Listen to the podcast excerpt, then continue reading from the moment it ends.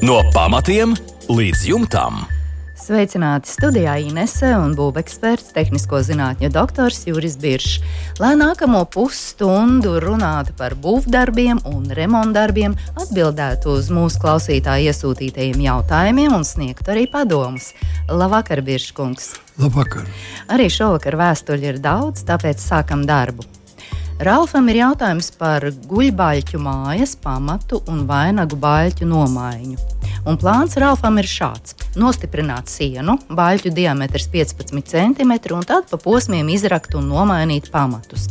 Iztrupējošās sienas daļu līdz logu palodzēm vēlos nomainīt ar keramiskajiem blokiem 17,5 cm. Kāds būtu vēlamais pamatu platums un dziļums šajā situācijā, jautā Ralfs. Ēka vairāk kā simts gadus stāv tikai uz plienakmeņiem, tāpēc pamatiem arī negribētu lieki tērēties. Kāda diametra stiegrojumu pamatos izmantot? Arī šāds ir jautājums. Vēlos izmantot stikla šķiedras stiegrojumu, un ēku nākotnē ir paredzēts siltināt. Ralfs ir pievienojis arī fotoattēlu, šīs ēkas fotoattēlu, skaista, senatnīga koka māja. Vai ne? Stabila jā, tāda izskatās. Jā, jā. Bet roku vajag pielikt. Nu, atsimezot, kaut ko vajag. Mm, Pamatā redzam, ka ir mm, nu, katrā gadījumā mazliet sabijuši. Nu, tur kaut ko darīt vajadzētu. Bet tie jautājumi Ralfam ir diezgan tādi, nu, kā saka, paģērējoši. Jo īstenībā jau tas viss ir nu, sakot, smalki uz vietas redzams, un to arī var kaut kā padarīt. Bet pamatā teiksim, galvenos virziens, galvenos orientierus. Protams, ka mēs varam pateikt, Jā, virzienu norādīsim un tas, ir, tas ir sekojuši. Tātad gribam atjaunot pamatus, kuri nu, ir, ir plieņ, plieņakmens pamats, un acīm redzot, ne sevišķi dziļi. Un, tā kā ēkai nav pagrabu, es ceru, ka viņai nav pat tiem nekas nav minēts, tad es teiktu, ka dziļums, dziļumu nosaka nu, pēc visiem likumiem nosaka zemes sasalšanas dziļums. Tātad vidēji Latvijā tas varētu būt nu, tā, nerēķinot nekādas konkrētas vietas. Viņš noteikti var būt nedaudz lielāks vai mazāks, bet vidēji tas ir viens metrs. Tātad pamatiem nevajadzētu pārsniegt vienu metru dziļumu. Platums viens stāva vai pusotrs stāva ēkai. Nu, izskatās pēc viens stāva ēkas. Tātad, nu, ja atjaunos ar, ar 17,5 cm blokiem, tad praktiski 20 cm ir pilnīgi pietiekoši. Arī guļbaļķi ir 15 cm. Nu, Tātad, cik plata ir siena, mēs tā tradicionāli to darām. Tas nedaudz ir izšķērdīgi, bet būtu grūti veidot uz šaurākiem pamatiem nu, platākus sienu materiālus. Tāpēc, cik mums ir plats sienu materiāls, tas bloks, tik arī plati taisam mhm. šo sienu. Un dziļums apmēram ir viens metrs. Nu, Kāda diametra stiegrojums? Par stiegrojumu man jāsaka sekojuši. Ja jūs pareizi uzbūvēsiet pamatus, ja tur nav vēl kā, kādi papildus teiksim, faktori, eh, dīķa vai ezera krasts vai upes grāba vai nogāze, ja, kas varētu ietekmēt. Tad vienkāršā laukā iztaisīt pamati nav vispār jāveic ar stiegrojumu. Jo visi pamati pamatā strādā uz vertikālas slodzes tikai. Stiegrojumu mēs liekam tajās konstrukcijās, kur ir kaut kāda sāns spiede, kur ir kaut kādi nu, vismaz stipri, milzīgi, stipri vēji, kas visu māju stums kaut kur projām. Nu, tad mēs pamatos liekam iekšā stiegrojumu. Nu, es vēl saprastu, ka stiegrojums ir ir ieliekams teiksim, nu, stūri uz savu e, stūra konstrukcijā, lai nu, tur e, viss būtu ļoti labā kārtībā. Bet praktiski viņam liela nozīme nav. Kādu diametru nekādā gadījumā nepārsniedzam 12 mm. Derētu tie paši arī 10 gludie vai 12 ar profilu. Jā, paldies par atbildi Ralfam. Mārīt mums raksta, bitumena šindeļu jumtā parādījusies gara strīpa, tāda šaura plaisa, it kā iegriezta un pie skursteņa metāla apdarē stūrī arī iebuktēta. Ar ko varētu apstrādāt šos bojājumus, jo lielā lietu ūdens arī tecēja no griestiem. Lielu remontu pašlaik nevar veikt. Nu, ar ko varētu pielabot, lai nu, iztur vismaz līdz pavasarim un tad plānot šos lielos darbus?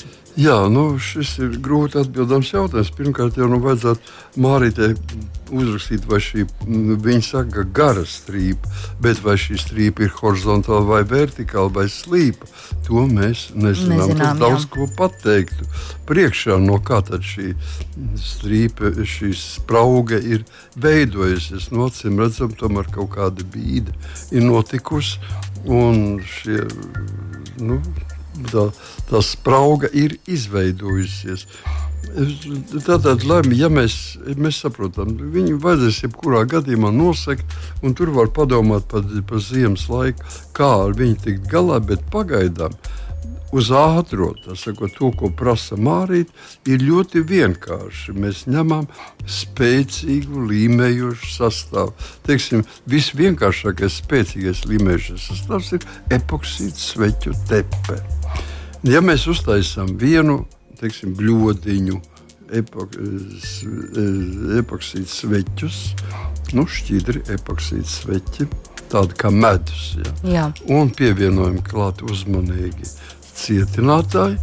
Samaisām, un momentā ir jāizstrādā, jo viņš pēc zināma laiciņa, teiksim, varētu sākt karsēties un pat uzliesmot. Var, ja? Tā kā jābūt ļoti, ļoti uzmanīgam, varbūt mazākos daudzumos taisīt. Un tas viss atkarīgs no masas. Un, un viņā tiek uzla, uzvelkot obligāti cimdus, gumijas cimdus uzvelkot, mēs viņus iemērcam nu, drānu, un, teiksim, vecu džinsu, Un Kādu blīvāku jā, audumu. jā? blīvu, blīvu brezentu. Mm -hmm. Un ar viņu uzklājām virsmu, un vēl ar otru pa virsmu no, no, nostrādājam, un momentā noņemam cimdus. Nedodies tikai nekādā gadījumā ne ar kailām rokām. Tad būs jābrauc uz slimnīcu uz operācijām. Ja? Mm -hmm. Bet to var izdarīt, un es garantēju, ka šis labojums viņš ir nesmugs pēc izskata, bet viņš trīs gadus Nu, līdz pavasarim droši Nu, izturēs. līdz pavasarim simt punkti. Jā, tādu kā ielāpu jāuzliek. Jā. Jā. Paldies par atbildi Mārītei. Modrim ir uzbūvēts keramiskais skurstenis, kurš sastāv no keramiskajām caurulēm, izolācijas vates un stiegrotiem blokiem. Un izrādās, ka šie bloki ir higroskopiski, nu tādi, kas uzsūc mitrumu. Skurstenis būtu jāapdarina. Man ienāca prātā raksta modrs. Skurstenim tā kā uzmaukt metāla cauruli 500 mm diametrā. Nu, kas būtu jāņem vērā un tā, vai vispār tā var rīkoties? Kāds ir jūsu padoms, ko darīt? Nē, nu, protams, ka var rīkoties. Tur tās virsmas nav tik daudzas, kuras acīm redzot, nav, nav taču metriem garš. Viņš ir mazāks. Un tas, ka mēs vienkārši vajadzētu viņu īstenībā apmest. Ja? Nu, tas ir skaidrs, ka viņu ir jāapmet. Bet uh, uzmaut virsū metāla caurule 500 mm diametrā, mēs atkal iegūsim tukšas vietas. Atceramies, ka mūsu klimatiskos apstākļos mēs nedrīkstam siltināt nekādu konstrukciju, atstājot mm, siltinājumā brīvas tukšumus, brīvas spraugas un tā tālāk, kurš nav ventilējams. Tad, uzliekot apakaļ metāla caurumu, atkal būs šīs tukšās vietas, kas ir radušās, blīvi jāizpild ar siltumizolācijas materiālu vismaz. Darīt, ja, ja var, mēs jā. to varam darīt, darīt to var. Tas ir kā katram subjektīvi iznāk vienkāršāk un, un, un nu, darboties ar šādiem darbiem kaut kur augšā skursteņa uz jumta līmeņa. Nu, es tikai ļoti lūgtu ie, ievērot drošības Drošību, jā, tomēr. Tur izveidot speciālu platformu, kuras, kuras var no, norobežoties un kuras var droši strādāt. Nevar ar vienu roku turēties pie jumta un ar otru roku Nu, jā, tomēr šos- tas šo ir sarežģīts darbs aizpildīt Jā, šos tukšumus. Ar... Daudz vienkāršāk ir apmest. Jā, paldies par atbildi modrim. Pirmdienās, 7. vakarā Latvijas Rādio 2 celtniecības un remonta darbiem veltīts raidījums. No pamatiem līdz jumtam. Ar padomiem un atbildēm uz klausītāju jautājumiem Latvijas Rādio 2 studijā - tehnisko zinātņu doktors, būveksperts Juris Biršs. Uldim ir līvāna māja. Apmēram 6 līdz 7 metru attālumā ir aka, un tajā ir daudz ūdens. Pagraba grīda ir pastāvīgi mitra. Pagrabā ir četras atsevišķas telpas, bet ikdienā mājā neviens nedzīvo un nav kas izveidina. Un Uldis jautā, ko darīt, lai sausinātu pagraba grīdu, un kāda būtu iespēja izveidot gaisa ventilāciju, lai notiktu šī gaisa apmaiņa, kamēr visi, visas durvis un visi logi ir aizvērti. Nu, es teiktu, tā, ka uh, Ulda jautājums ir nu, izdevies ļoti veiksmīgi viņam uzdot šo jautājumu, kurā ir paslēpts nu, vismaz trīs grandiozas programmas un nu, problēmas, kur, par kurām varētu runāt stundām. Tāpēc pirmkārt, kas ir obligāti jāsaka, tas ir vajadzētu vismaz iepazīties un zināt, kāds ir apkārtējais landšafts. Vai šī ēka atrodas nogāzē, vai mm, kalnā, ieplakā, vai jā. ieplakā, vai blakus meži, vai ezeri, vai dīķi. Kas, no tā ir ļoti daudz kas atkarīgs. Tas ir pirmkārt būs atkarīgs arī no tā, mēs skatītos, kādā veidā samazināt šo šos, šo mitru. Par to varētu runāt veselu stundu, par to mēs nerunāsim. Šoreiz vienkārši nav laika. Otrs, kas jāsaka, ir, ja reiz tas mūžīgi pastāv pagraba grīdas, ceru, ka viņi ir no betona, jebkurā gadījumā mums jābūt šie betonētai grīdai, un viņi ir pastāvīgi mitri, tas nozīmē, ka vajadzētu atbrīvoties no e, šīs zemgrīdas mitruma.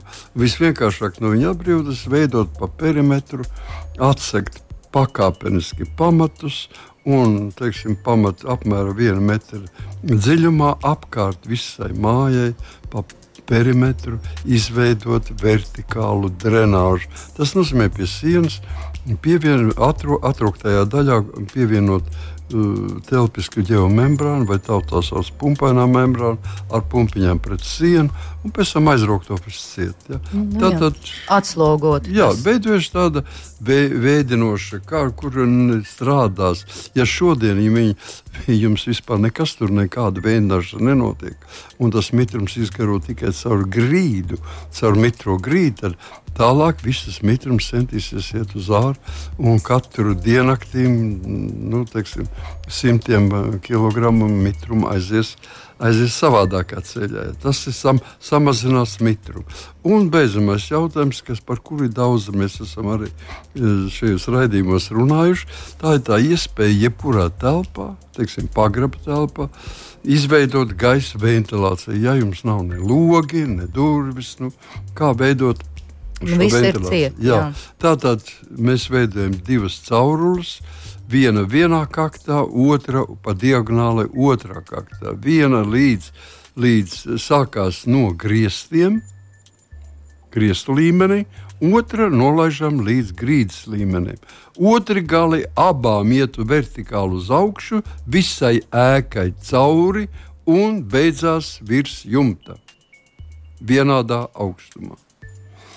Pēc tam mēs samazinām šo nolaisto cauruli, kas ir nolaists līdz grīdai.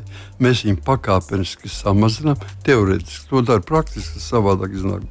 Teorētiski tad mēs samazinām šo caurules garumu un pie viena zināma robeža gadījuma parādīsies vilkme. Meklējam šo vilkmes punktu. Mēs meklējam to vilkmu, to, to punktu, garumu, jā. kas atbildīs. To nevar aprēķināt. Tas ir saistīts ar ārējiem visiem faktoriem.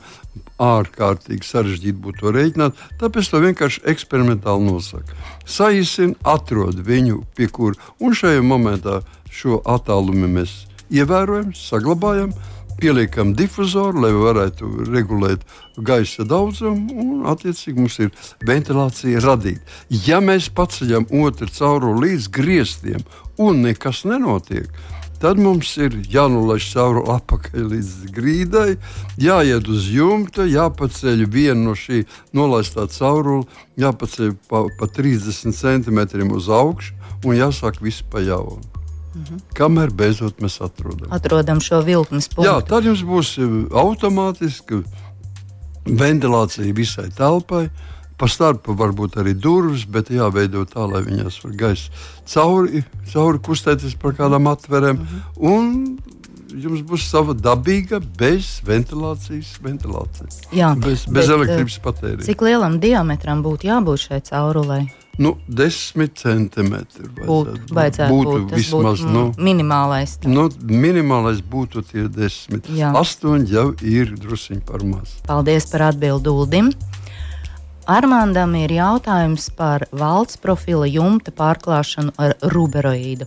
Vēlamies virs šī jumta izveidot terasi, bet pašreizējais jumta segums vietām tek. Tāpēc ir doma uzkausēt virsū ruberoīdu. Un kā to labāk izdarīt, jautā Armāns, un pievienojas arī ar fotoattēlu ar šo nelielo jumtiņu, un izstāsta, ka jumtiņš jau ir arī labots, pielabots izskatās. Jā. Vai tā var darīt, uzkausēt uh, ruberoīdu virsū, vai tas būtu prāta darbs vai ko citu? Nu, nē, nē, nu, kā lai saka, kausēt kaut ko virsū, protams, ka var. Bet tikai viņš, cik es saprotu, nu, tāds varbūt tā bilde nav tik veiksmīgi uzņemta. Es neredzu, vai viņš ir. Man liekas, ka viņš tomēr kaut kāds ir mm, telpisks, viņš nav pilnīgi plakans. Nu, tā kā drusku slīps. Nu, kaut kāds slīps, vai, vai, vai to varēs izmantot kā, kā terasu, es to nezinu. Bet, uh, redziet, šeit jautājums ir pavisam viss. Jautājums, ar ko vajadzētu atbildēt armādām, ir ļoti vienkāršs. Ja tā ir pareiza jumta konstrukcija, tad vietā, kur savienojās siena, vertikālā siena ar jumtu, gaisam jāiekļūst, jāpaiet iekšā bēniņa telpa vai zem jumta. Jā. Ja nav bēniņi, tad ir zem jumta eja. Un šī eja iet kaut kur ārā. Es neredzu, vai viņš šeit pēc bildes, es neredzu, kur ir augstākā vieta. Viņi ir slīpumā uz vienu pusi, vai nu, katrā gadījumā ļoti neveiksmīga bilde. Mēs nevaram pateikt to. Tātad viņai kaut kur jānāk ārā šim gaisam. Ja tas tā nav, tad jau esošais jumts ir nepareizi uzveidots. Un uz esošā jumta uz tāda nevar likt virsū ruberoidu. Klāt virsū mēs radīsim vēl lielākas problēmas. Ja mums ir šī uh, elpojošā kārta atstāta zem un jumtā ventilācija notiek, tad mēs lūdzu varam pastiprināt jumtu, lai viņš izturētu terases masu vai nodarbošanos uz jumta, un tad mēs varam to likt virsū. Mm -hmm. Jā, paldies par atbildi Armandam. No pamatiem līdz jumtam.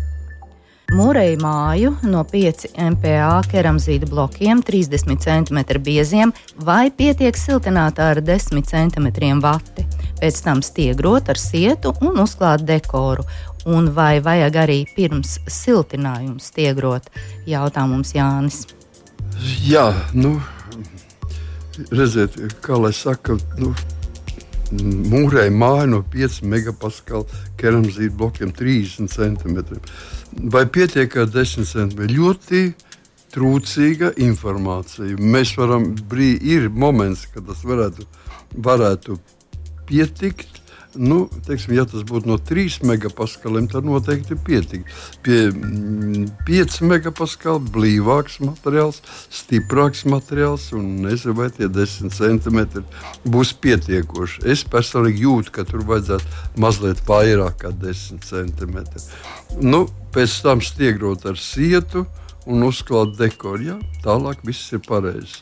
Tālāk neko mums citu vairāk nevajag. Mhm. ja, jo sevišķi vēl pie, pie mm, keramzīta blokiem, kuriem virsma ir pietiekoši grubuļaini, lai uz viņas varētu stiprināt tātad attiecīgi.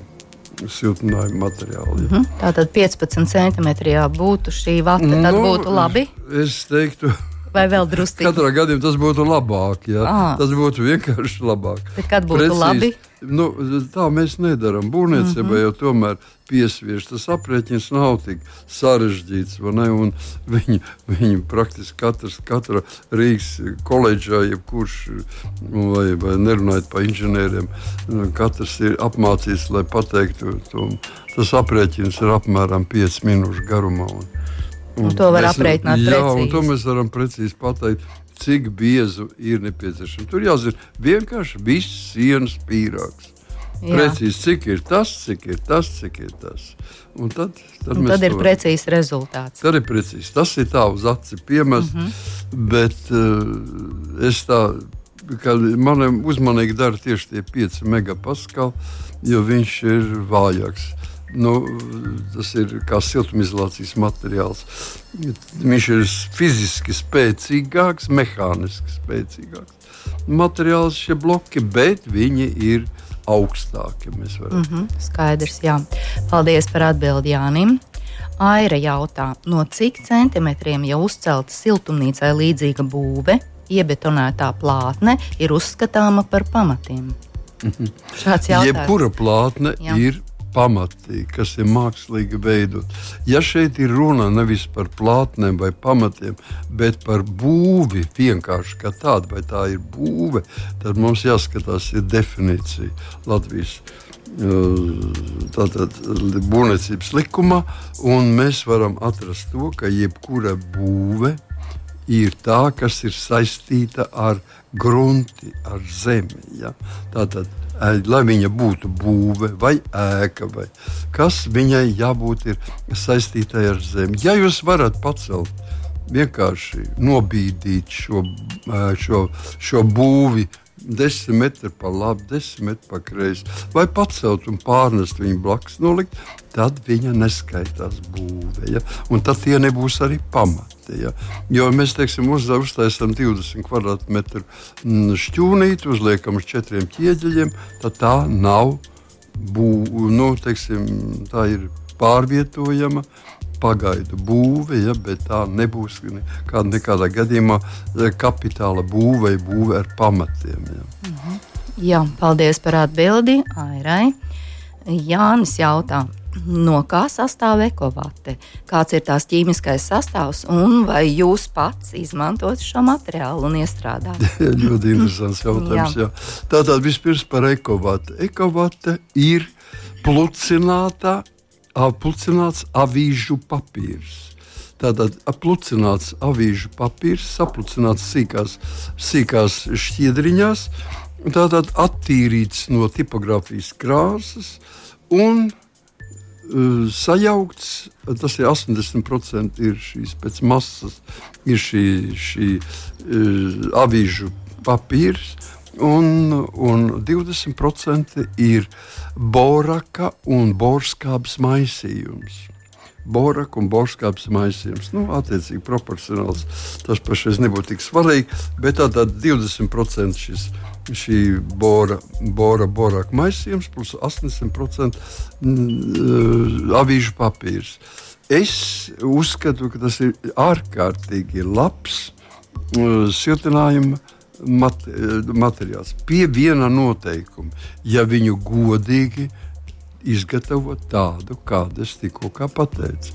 Diemžēl mums ir ļoti daudz gadījumi, kad šī tehnoloģija tiek tiek eh, pārkāpta un kādā veidā viņi tiek pārkāpti. Mēs eh, vienkārši pietrūkst avišu papīrs, un mēs pielietojam grāmatu papīru. O, nu, kas tur ir liels? Tas ir pilnīgi kas cits. Balts, nē, avīžu papīrs arī šodienas avīžu papīrs paliek pārāk balts, ja pārāk skaists. Vecās avīzes, lieliskas, ja, jo viņas nesatur, kāpēc viņš paliek, kāpēc balts papīrs ir balts? Tāpēc, ka satur krītu krīta piedeva ir ārkārtīgi daudz. Viņa iekrāso visu papīru mums baltā krāsā. Kas ir krīts? Krīts ir uh, sārms. Nu, tātad, ko viņš dara? Viņš uh, borskābi neutralizē. Borskāba ir skābe, krīts ir sārums. Sārums ar skābi kopā ir neutralizācijas reakcija. Tātad, ja mums jau ir pārāk daudz klāt šī baltā papīra, viņš kļūst nu, pieejamāks žurkām, kukaiņiem, putniem.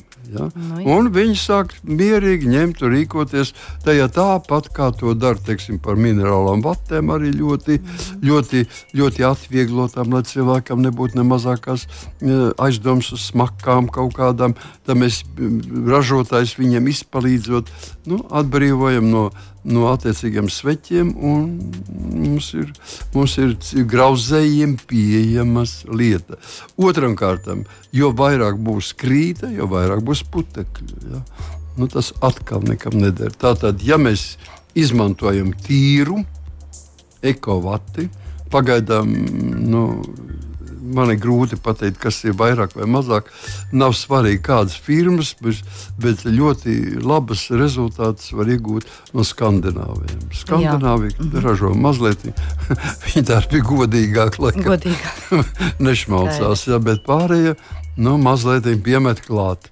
Un pat nekaunās, kas, kad es ražotnē stāvu grāmatu kaudzi un piemet šo to klāt. Jā. Tāpēc tādu ekovati, kas ir precīza, ir ļoti laba. Un viņu neņem ne grauzēji, ne putni, ne kukaiņi. Jā, galvenais tādu atrast. Par to nu, jau grūti pārliecināties nu, pircējiem.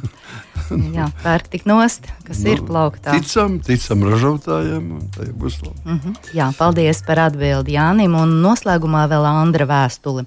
Vai kokosa apvilktu plasmasas drenāžas cauruli var izmantot betonu grodakā, dzeramā ūdens filtrēšanai. Aiztaisot spraugas ar cements plus piedevu, akā ir nepatīkama smaka, pēc cik ilga laika var droši izmantot akas ūdeni.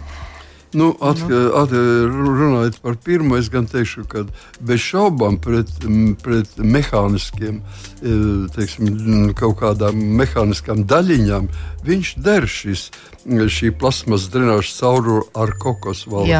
Bet ne jau priekš ķīmiskiem. Tas ir, ja ir ķīmiski, teiksim, dzelzs pārāk liels saturs, tad tur neko mēs nevaram atšifrēt. Tātad ļoti uzmanīgi izmantot kā filtrēšanai tikai pret lieliem mehāniskiem gabaliem. Kas attiecas par cements plus piedevu, tātad sintētiskā lateksa piedevu. Es jums, nu, diemžēl, nevaru to šodien. Man nav atļauts nosaukt precīzi firmas, kurām ir brīnišķīgi um, sastāvi, kas, kas nedos smaku. Ja? Bet, jo redziet, sintētisko lateksu var iegūt dažādos veidos. Ja? Dažādas, tur ir vismaz man ir vajadzīgs sintētiskais lateks, kas ir iegūts uz stirēna, butadiena bāzes.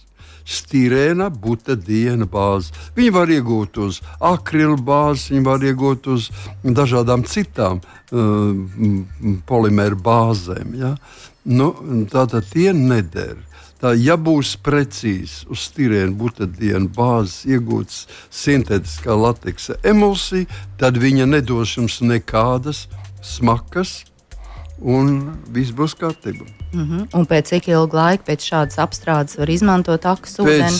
Ja ir pareizais, kā es teicu, šīs sastāvs ir pareizi, pareiz, viņš ir pēc 30, 40, nu, teiksim, akā temperatūra zemāk, pēc vienas stundas viss ūdens ir derīgs, jo viņam nekādu iespēju uz dzeramo ūdeni viņš neatstāja. Ja ir šis smakojums, tas norāda, ka kaut kas nav kārtībā. Kārtībā ar sastāvu. Skaidrs, paldies par atbildi Andrim. Izskaņā atgādināšu mūsu e-pasta adresi remonds at lr2.lv. Sūtiet savus jautājumus būvekspertam, pievienojiet fotoattēlus, un jautājumus varat iesūtīt arī caur Latvijas Radio 2 mājaslapu un meklējiet mūs arī populārākajās raidierakstu straumēšanas platformās. Šovakar paldies par kopā būšanu, lai visiem jauks, mierīgs vakars un uz tikšanos pēc nedēļas. Visu labu! Pirmdienās, 7. vakarā Latvijas Rādio 2 celtniecības un remonta darbiem veltīts raidījums. No pamatiem līdz jumtam. Ar padomiem un atbildēm uz klausītāju jautājumiem Latvijas Rādio 2 studijā - tehnisko zinātņu doktors, būveksperts Juris Biršs.